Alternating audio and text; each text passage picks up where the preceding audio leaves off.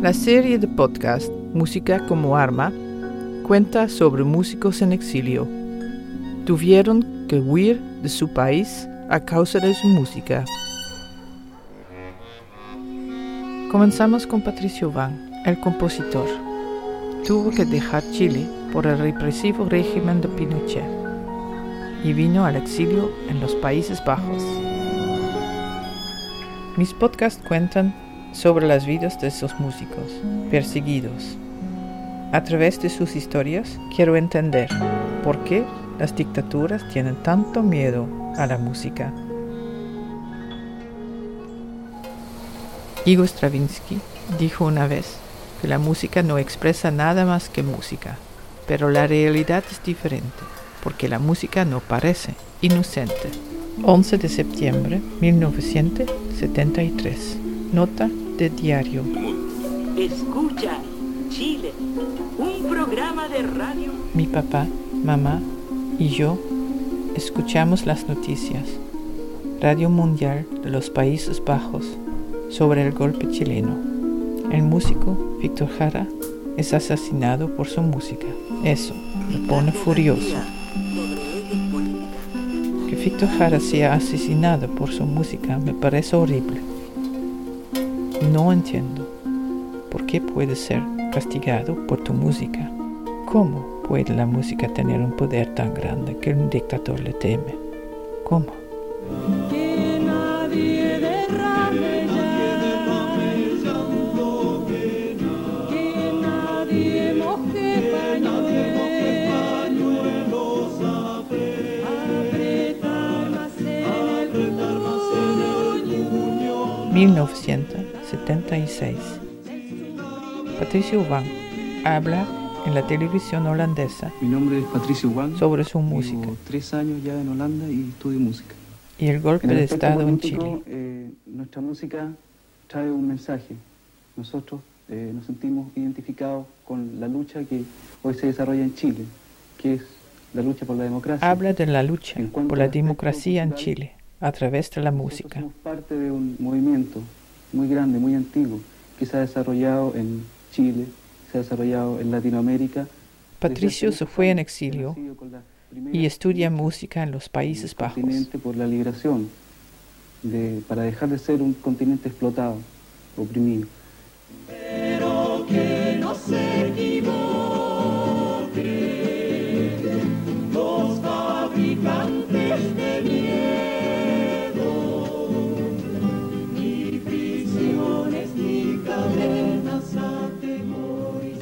Estas canciones protestan contra la opresión y son una llamada a la resistencia.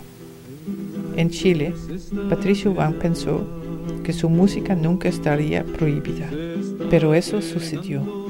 Ahora yo tengo miedo que después del ataque de Bataclan también puede suceder en Europa.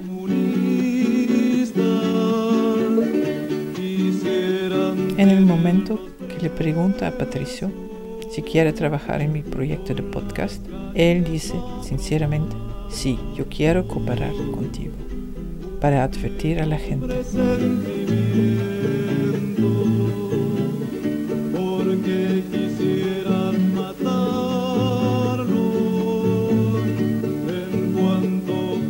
La música puede convertirse en una forma de protesta, un grito, un súplica emocional por la libertad.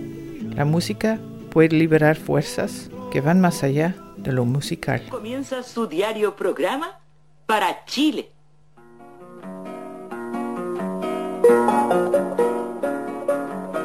A su vez, los regímenes opresivos tienen miedo de la música. Las noticias que la Junta esconde y prohíbe. lo que ocurre dentro de Chile y la voz de la solidaridad del mundo. 13 de septiembre. Chile. 1990. Nota de diario. Está lloviendo. La puerta se abre. En el estudio de edición en Ámsterdam, me encuentro con Patricio Van por primera vez. Patricio es un músico exiliado. Él entiende la política, la música y por lo tanto también este documental que estoy haciendo. Va a ser la primera vez que Patricia y yo trabajamos juntos. qué? barniz. Estoy trabajando en una película sobre niños de la calle en México. Ah, chale, chale. Chale, chale, chale.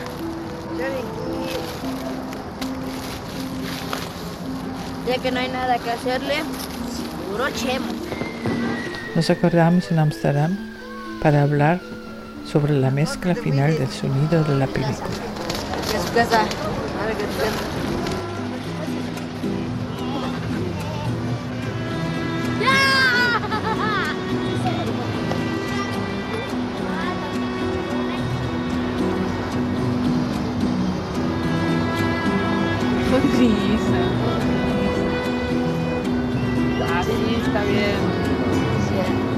Su música y nuestras imágenes se mezclan maravillosamente. Y así forman juntos la historia real de los niños de la calle, la película Mama Calle.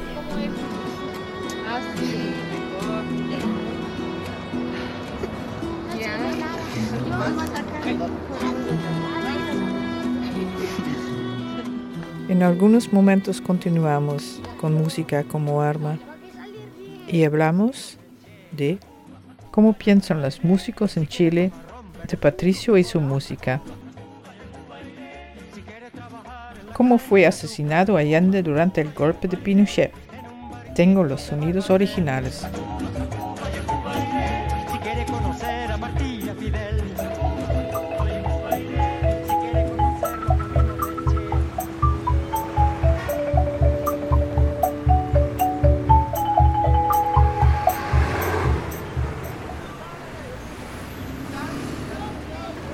30 de septiembre. Nota de diario. Estoy en Valparaíso y camino por la ciudad para buscar detalles de la época de Pinochet o la época de Allende.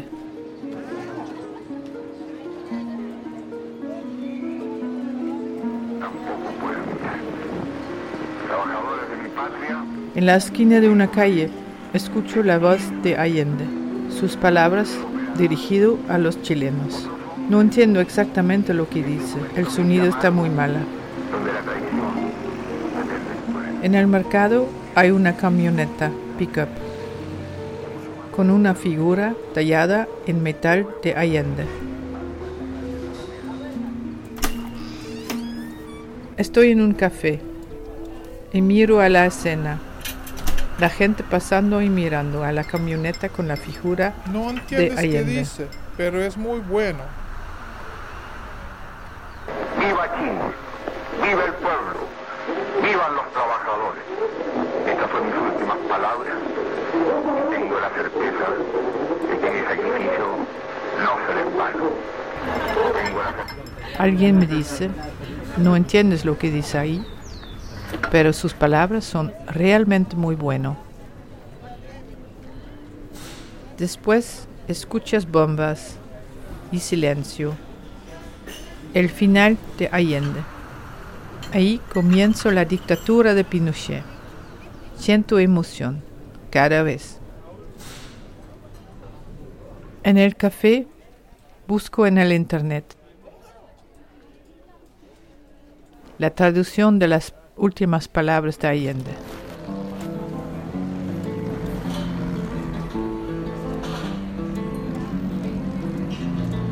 Camino del mercado hacia el Gran Plaza de Valparaíso. Una plataforma de música está construido.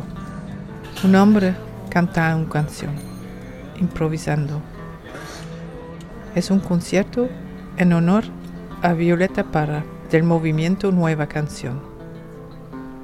Música folclórica mezclada con política.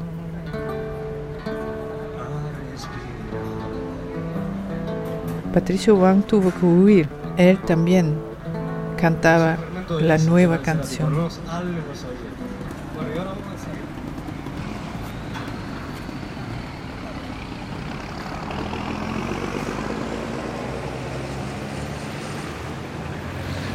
Un poco más lejos en la calle cerca de la estación de autobuses, un anciano canta la canción Manifiesto para mí. Es una canción de Víctor Jara. Jara fue asesinado por el régimen de Pinochet, porque también él cantó la nueva canción. Para alcanzar las estrellas. ¿Ves? ¿Y cómo se llama esta canción? Ese canto se llama Manifiesto, Manifiesto. de Víctor Jara. Es un canto, un canto muy bonito. ¿ves?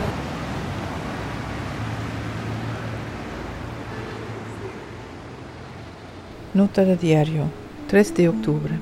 Estoy buscando la Academia de Música, el conservatorio. El conservatorio está en una colina, atravesando varias calles, y desde muy lejos puedo escuchar la música. Quiero hablar con Nico Morenos. Con su grupo, Nico ha tocado muchas composiciones de Patricio.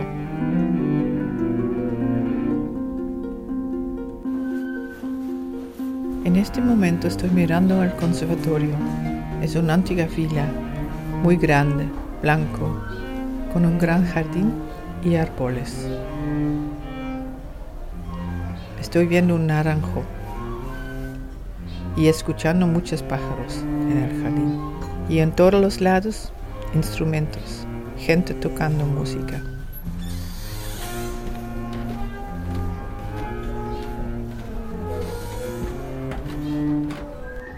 Ahora estoy en la sala del conservatorio. El conserje me dijo que aún Nico no ha llegado.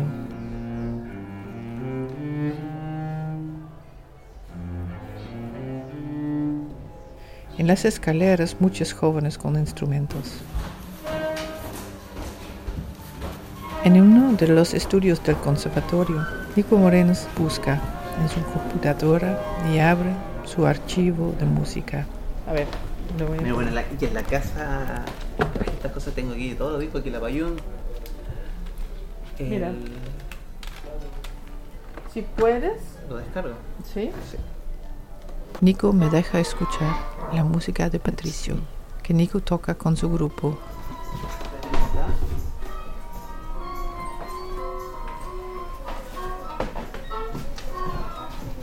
Y esta obra ya la, hi- ya la hizo Patricio pensando en nosotros.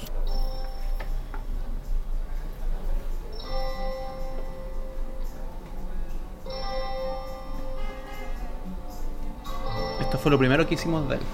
De, de Patricio. Sí. O sea, Transiente ya era un tema de la orquesta andina cuando yo llegué. Tocaron. Naufragio, Pero es la inspirado por las últimas palabras de algo de- Allende, de- justo antes de su muerte. A través de esta obra es que surgieron las demás, Naufragio y Prólogo.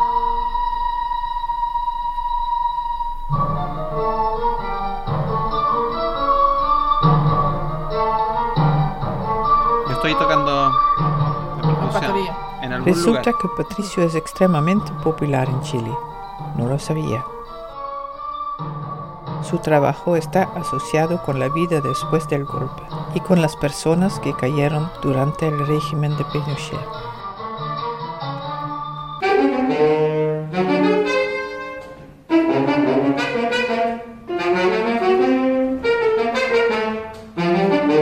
Estábamos con Patricio Juan en el sur.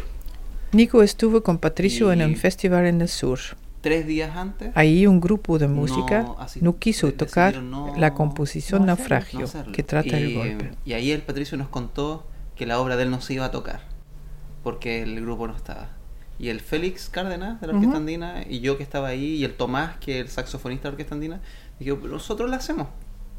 Pero tres días antes. Entonces, y, no, y ensayamos Nico y sus amigos la Estuvimos tocaron. Varias noches, las tres noches que nos quedaban y la, Y la hicimos. sí. Practicaron el- hasta el amanecer, Ah, está. porque Patricio no escribe música simple. Muy difícil, muy difícil. Que tenía mm, clarinete, eh, guitarra eléctrica, bajo eléctrico, percusión, piano. Cuando la hizo dijo, bueno, voy a hacer una obra bien difícil porque yo sé que ellos la pueden tocar. Nico me muestra que es una puntuación muy presente. Tampoco fue fácil de escribirlo. Muchas notas y Muchísimas. muchísimas notas y muchos ritmos. 4 octavos, 5 16avos, 8 16avos. Patricio cinco trabajó octavos, cuarto, tres a la octavos, composición 16, 17. años y años. O sea, No pudo hablar durante años sobre esta algo- fase en su vida. La caída de Allende fue como un naufragio para él. Eso lo, si, si, Ah. si lo quieres, porque yo ¿Te queda? Sí. ¿Sí? ¿Te queda? Y también si lo quieres llevar. Que- sí, Sí, porque sí. Yo, yo tengo. ¿Tienes? Sí. ¿Todavía? Sí. Sí. Nota de diario. 5 de octubre. Mañana hablaré con Nico nuevamente, porque su familia también está afectada por el régimen de Pinochet. Ellos también tuvieron que huir a otro país.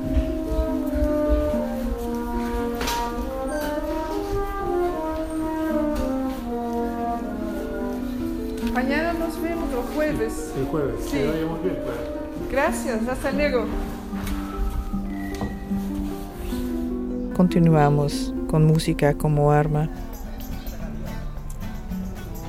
Como los músicos sufrieron bajo la dictadura de Pinochet. Como el golpe todavía afecta a la vida en Chile, ahora, tantos años después. Como el padre de Nicolás Moreno tuvo que huir. Se fue en exilio.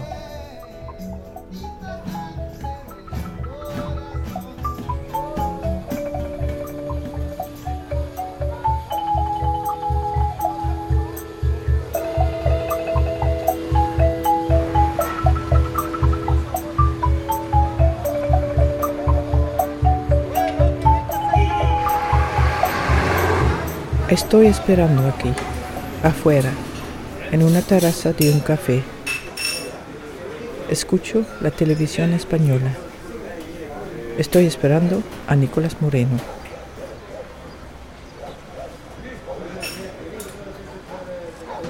Es realmente increíble. En cada calle se ven tres, cuatro perros. En este momento justo, cuatro perros acaban de pasar.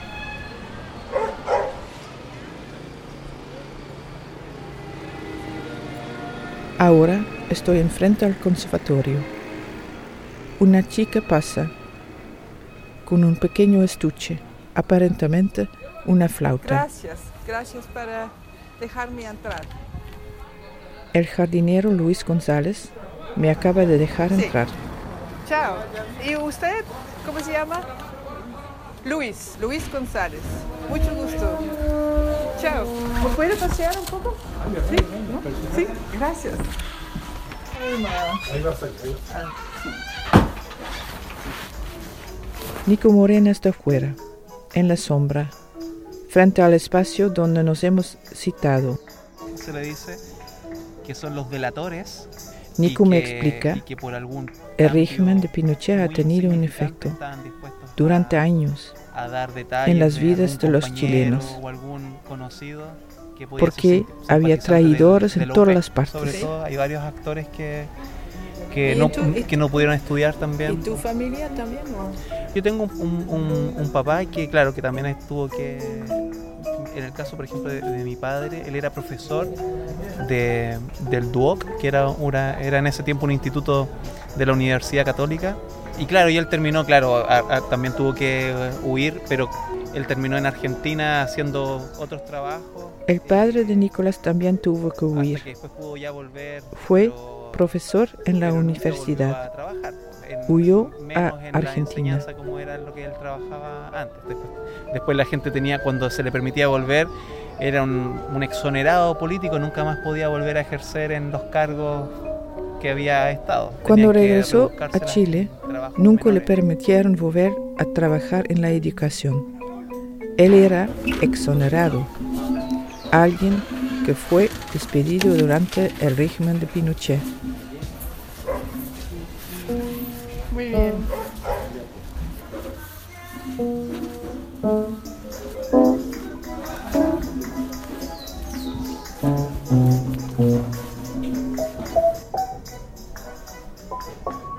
Hay un piano viejo aquí, en el conservatorio, al pie de las escaleras, cubierto de musgo.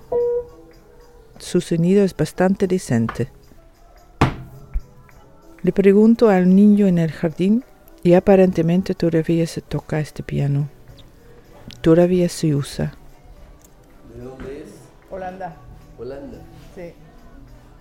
Tengo un pensamiento un poco extraño, porque inmediatamente pienso en Patricio que estudió piano. Pienso a su profesor de piano, uno de los responsables de que Patricio fuera condenado por sus actividades.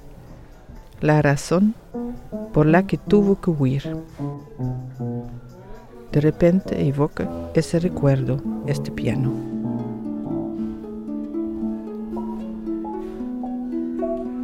Nota de diario, 21 de agosto.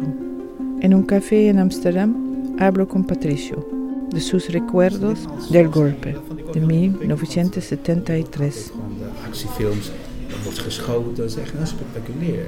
Maar ik heb ook een, een heel duidelijke herinnering aan de ochtend van de staatsgreep. Patricio recuerda los disparos, que no eh, se waar parecen en nada a los eh, disparos een de las películas de acción. Y en la mañana del golpe escuchó disparos desde su mismo edificio. Se oía En, eh, puf, ja. puf, puf. Ja. En je bent bang natuurlijk. ook. Hablamos de su miedo, sobre el caos que surgió. Hablamos de su caso judicial en el conservatorio. Y Patricio tenía buenas na- razones para tener miedo. Lo llamaron. Unas 11 tres semanas después del golpe, telefoontje tuvo que presentarse eh, en el conservatorio. Eh. El abogado designado por la Junta tenía que verificar ciertas cosas. Este abogado solo dijo que ellos habían oído que Patricio había cometido actos de violencia en el 24 uur om conservatorio. eh. Patricia en- tenía en 24 ons horas para presentar un documento para su defensa. Nota de diario. Piraeus Dream City Hotel, agosto de 2001. Leí el libro de Rudy El saxofón prohibido, página 114. Patricio dice aquí, era improbable que la música de nuestro grupo, Barroco Andino, apareciera en la radio. Rudy Kaji escribe, se convirtió en peligro cuando Juan escuchó, a través de fuentes bien informadas, que él y otros dos músicos estaban fichados como terroristas. Como experto de bombas, él estaría conectado de una cela comunista de la extrema izquierda. Eso fue la señal para buscar refugio seguro en Europa, lo más pronto que posible. Aunque nadie le dijo cuáles eran las acusaciones, tenía que presentar el documento para su defensa.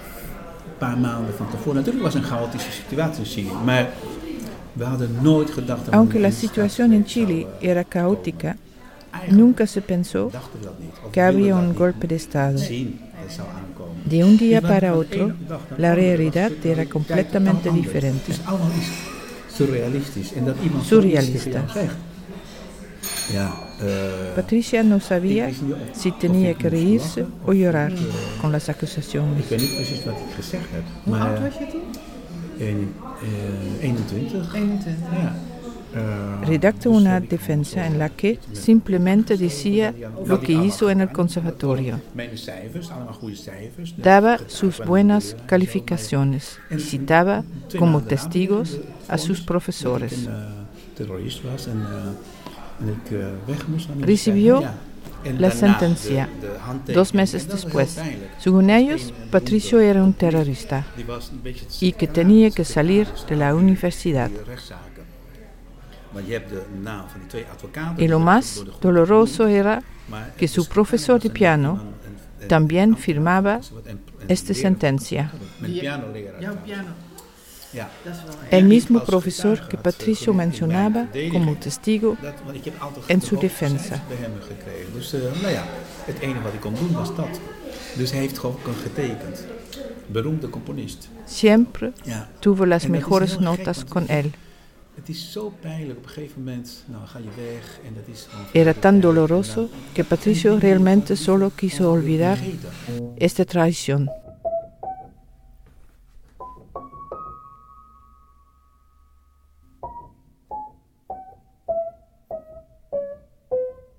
Cuando ocurrió esto, Patricio rápidamente tuvo que buscar eh, esconderse o, o, huir porque habían además muchos... Nicolás eh, Moreno me explica, cuando eso que, sucedió, Patricio rápidamente cambio, tuvo que ir o escapar. Chile, sapos, se le dice, que son los porque delatores, había sapos solamente por para todas partes, algún, algún tipo de traidores. Por lo demás. Ahí está, por ejemplo, el caso de Víctor Jara, que, que el mismo día fue tomado prisionero y dos, tres días después ya estaba asesinado. Ese también es el momento en que Patricio Wang no esperó que los militares golpearon a su puerta. Entonces se prohibió transversalmente, se prohibió y se persiguió a...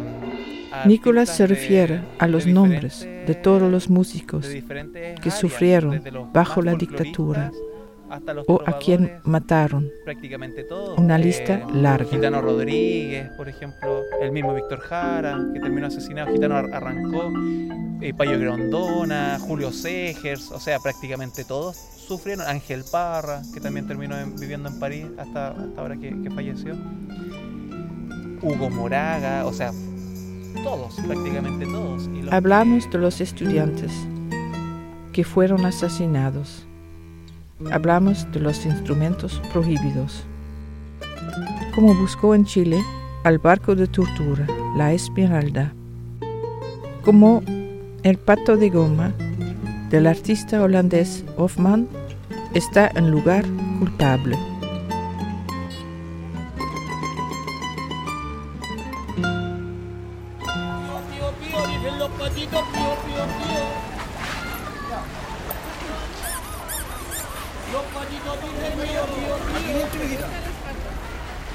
Me senté aquí, en la esquina cerca del puerto pequeño.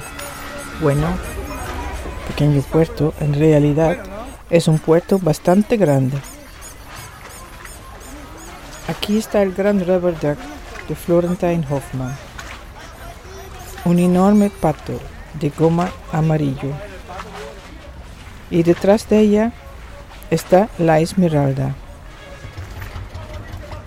La Esmeralda era la nave en que se torturó durante el régimen militar de Pinochet.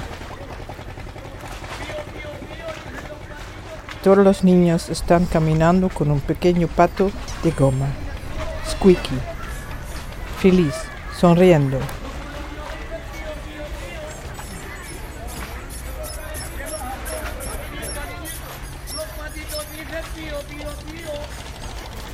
Me parece un poco amargo. Ese pato alegre y detrás del pato la esmeralda. Velero. Muy grande. Madera. Todavía es un barco de la marina.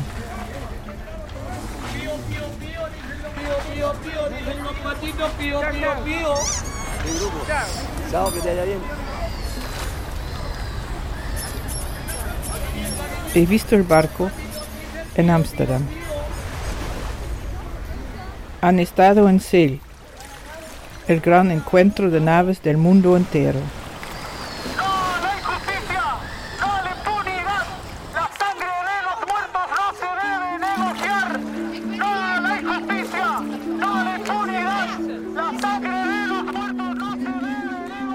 Sail, Ámsterdam, 2015. Nota de diario. Recuerdo que la Esmeralda estaba en el muelle y la gente estaba furiosa. ¿Dónde están? ¿Dónde están? Nuestros padres, madres, hijos. ¿Quién desapareció durante el régimen de Pinochet. ¿Dónde están?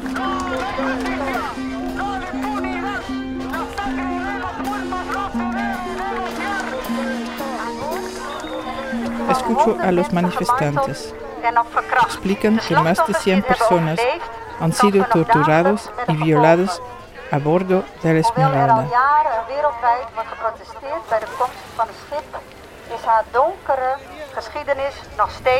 Chile finalmente debe reconocer que los derechos humanos fueron violados allí, en la Esmeralda.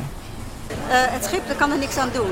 Maar waar het om gaat is de erkenning. Fue utilizado como un barco de tortura. Eso nunca debe volver a suceder. Niet in een democratie als Chili. Chili zegt dat ze democratisch zijn, maar dat betekent dus ook in una democracia como Chili. Dat, de eh, mensenrechten, of dat de mensenrechten destijds daar zijn geschonden.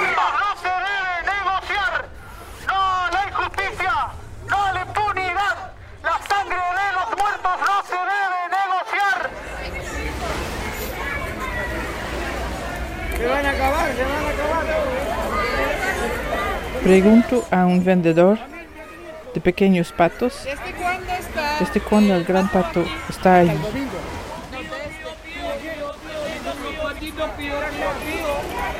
Es fabuloso. Chao, que te vaya bien.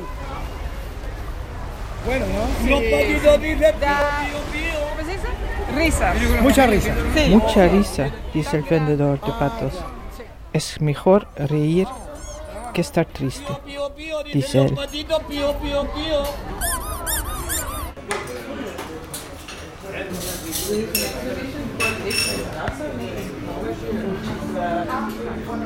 Nota de diario, octubre de 2017. En mi hotel en Valparaíso, la mujer joven detrás del escritorio me dice que el rubber duck se llama aquí pato. ¿Cómo se llama esto en, en español? Pato. El pato. Ah, pato. Si quería ir al, al Esmeralda, Ella también me dice que creció con la Esmeralda. En los años 80, una época triste, pero nadie habla de este horror. Cuando ella era niña, se lo ocultaron. ¿Cómo puedes negar ese periodo? Es lo que hacen muchos chilenos. En muchas familias todavía no se habla de esa época, porque podría haber disputa entre ellos, entre ellos que son pro y ellos que son contra Pinochet.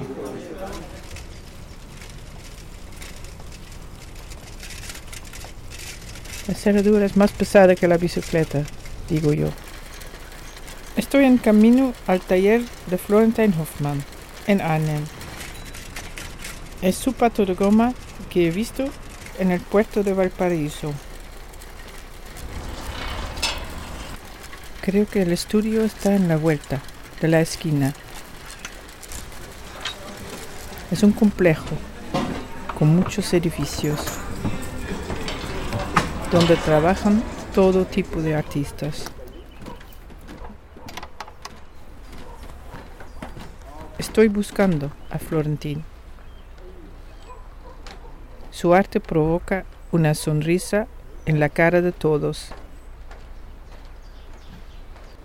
Este tema de música como arma es a lo mejor un tema poco crudo. Quizás este tema está muy lejos de Florentín. Yo tengo curiosidad. ¿Cómo piensa al respecto? Veo patos por todas partes. Florentín me explica. Estos son réplicas de Hong Kong y de Corea. in de tuin en zo. Dat zijn, eh, dat zijn nog eh, replica's uit Hongkong en eh, uit, uit Korea. Ik heb hem dus gezien in Valparaiso. lag Y in le de cuento. Así lo he visto en. Valparaíso, en el puerto. Naar de haven Escucho a pio, Pato allemaal Pato z'n Pato ik Pato één. Y en la esquina veo al pato de goma. Enorme. uh, martelschip. Estaba buscando a la Esmeralda, want nave de tortura. Realmente oh, tuve lágrimas en mis ojos. Eh, ehm, Florentín me dice mi pato de goma. No es culpable, nada. Las personas que lo miran tampoco. Pero lo que ves en el puerto es el trabajo duro, los contenedores y al fondo la nave de tortura. Tenías lágrimas en tus ojos, dijiste. Eso es exactamente lo que puede hacer mi pato de goma, dice Florentín. Yo digo, creo que los propios chilenos también se quedaron ahí con lágrimas. Los niños se divierten. Florentín me dice, la juventud de hoy no tiene la connotación con ese nave. A causa de tu arte eres perseguido. Eso es crudo. Yo puedo imaginar eso muy difícil. Que puedes entrar en el martirio. Porque no vivo ahí. No viví la represión. Nunca tenía la necesidad de tomar una decisión dolorosa y a veces mortal.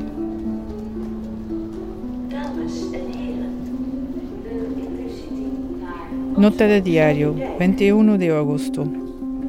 Me encuentro con Patricio en la estación Amstel. En su espalda tiene un charango, un tipo de laúd. Hablamos de los instrumentos prohibidos.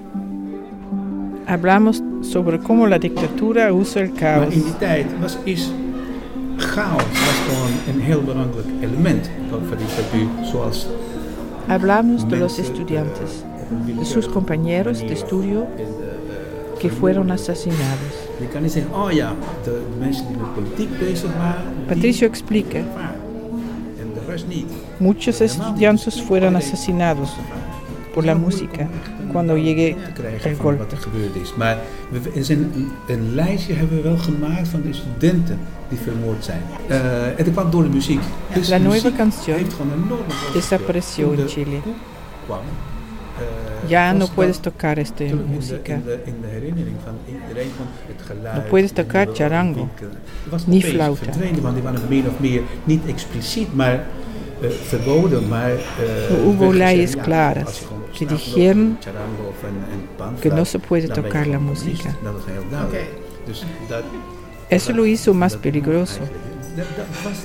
Era un terreno vago, muy incierto. El charango y la flauta eran vistos como eh, instrumentos comunistas. uh, cultuur. Tussen Como la confusión Eh, bajo Stalin, que prohibió el saxofón y Hitler el jazz. de verboden van uh, de KG. En, en, Ja. en Hitler die de jazz verbood. Gewoon omdat het Patricio buitenlandse explica que la música siempre es subversiva.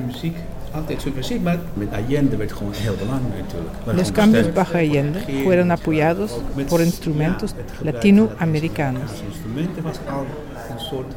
Ya no puedes tocar. Desapareció en Chile. En la estación Amsterdam-Amstel acabo de escuchar cómo suena ese instrumento, el charango. Entonces aquí en los Países Bajos puedes caminar con tu charango sobre tu espalda y antes, en Chile, puedes ser arrestado por eso.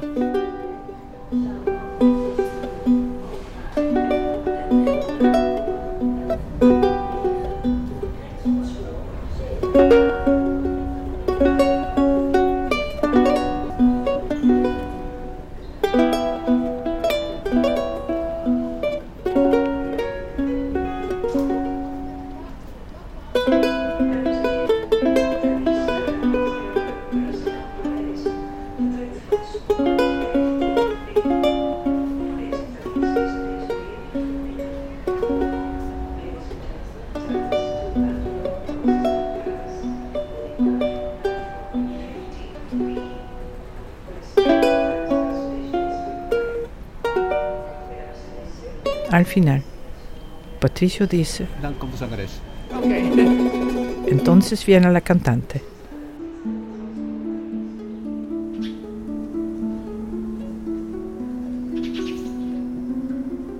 Nota de diario, 18 de noviembre. Mañana habrá elecciones en Chile. Patricio Wang puede votar por primera vez desde su exilio de Chile. Y, por supuesto, yo quiero estar allí.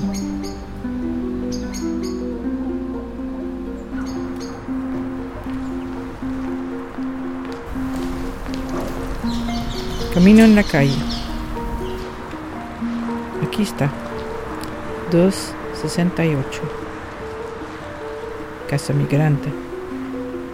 Casa migrante los hispanohablantes.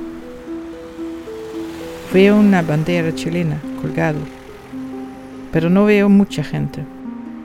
Estoy esperando a Patricio. Es un lugar un poco extraño. Creo que alguien bebió Bacardi y cervezas esta noche en este lugar. Hermosa luz. Pequeñas hojas de otoño aquí. Realmente noviembre. Llega Patricio. Met gitaar en alles. Tengo mi instrumento conmigo ahora, dice Patricio. Ja, ik moest ook een beetje... Un charango, Ik dingen doen ook voor de barítono. concert. Ik had mijn instrument niet eens bij me in Parijs. Het is een soort bariton charango. Yo digo hermosa. Mooi. Ja, het is een mooi ding. Se utiliza en muchas películas, este charango. Patricio tiene voz alegre. Y hablamos de votar por er primera vez desde su exilio de Chile. Hola, buenos días. Sí, si se puede. Sí. Adelante. Ahí, bueno, vamos a esperar un momentito. Sí, estamos ahí. Perfecto. Hoy votas por primera vez, digo yo. Sí. Sinds 73. Echt? Patricio explica. Solo me han permitido votar en Chile una vez, en marzo del 73. Yo tenía 21 años y tenía derecho a votar por primera vez. Eran las primeras elecciones parlamentarias del 73. Y eso fue el final de mi carrera como votante en Chile. Y luego, nada más, por mucho tiempo. El cónsul chileno saludo a Patricio. Bueno, acá tenemos al cónsul que está Aquí también es como en Chile. Sí, sí. Un músico Ahí, conocido. ahí está el número. Ahí está. Ese. Ya, correcto. Eh, la mesa número 2. Perfecto. Y aquí te van a pasar una estampilla para Ah, pegar la pegatina. Gracias, buen día. Bizar, toch? Tú votaste, digo yo. Nou, ik ben heel blij. Bizar. Nou, je hebt gestemd. Ja, nee, daarom. Ja, ik vind, ik bedoel, het is wel een Al final de su als je Patricio tiene voz alegre y dice: Sí. Sí, soy muy eh, feliz. Es un evento. Si no me han permitido votar por las elecciones chilenas durante richting, 40 eh, años, es un evento. Finalmente comienzo una vida normal ahora, dice Patricio. Una vida normal, dice Patricio Wang. Yo no puedo evitarlo, pero pienso en el viejo piano que vi en el conservatorio en Chile. Y pienso en el profesor de piano que traicionó a Patricio tantos años atrás. Este fue el parte de Chile y Patricio Wang en la serie Música como Arma. Continuamos esta serie Música como Arma con nuevos episodios sobre músicos en exilio que tuvieron que huir de su país a causa de su música. Creado por Ariane Lam. Gracias especiales a Patricio Wang, Nicolás Moreno, Félix Cárdenas, Tinko Ensemble. Orquesta Andino, Florentijn Hofman, Valentina Ripamonti, Naski Nauer para el material de archivo, Daniel Krop, Rosa Ensemble, Manolaan, Rien Valk, mixage, Jan Maarten Snee, animaties, Daniel Brown, research, Winanda van Vliet, Ludo de Bo, Calle Klaas y gracias a todos que me apoyaron en el crowdfunding.